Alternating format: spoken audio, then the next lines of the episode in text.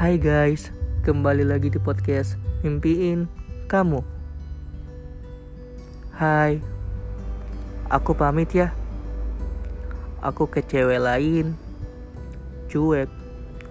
Tapi ke kamu, kesannya ngemis banget ya. Hmm, maaf ya, buat kamu risih. aku pamit.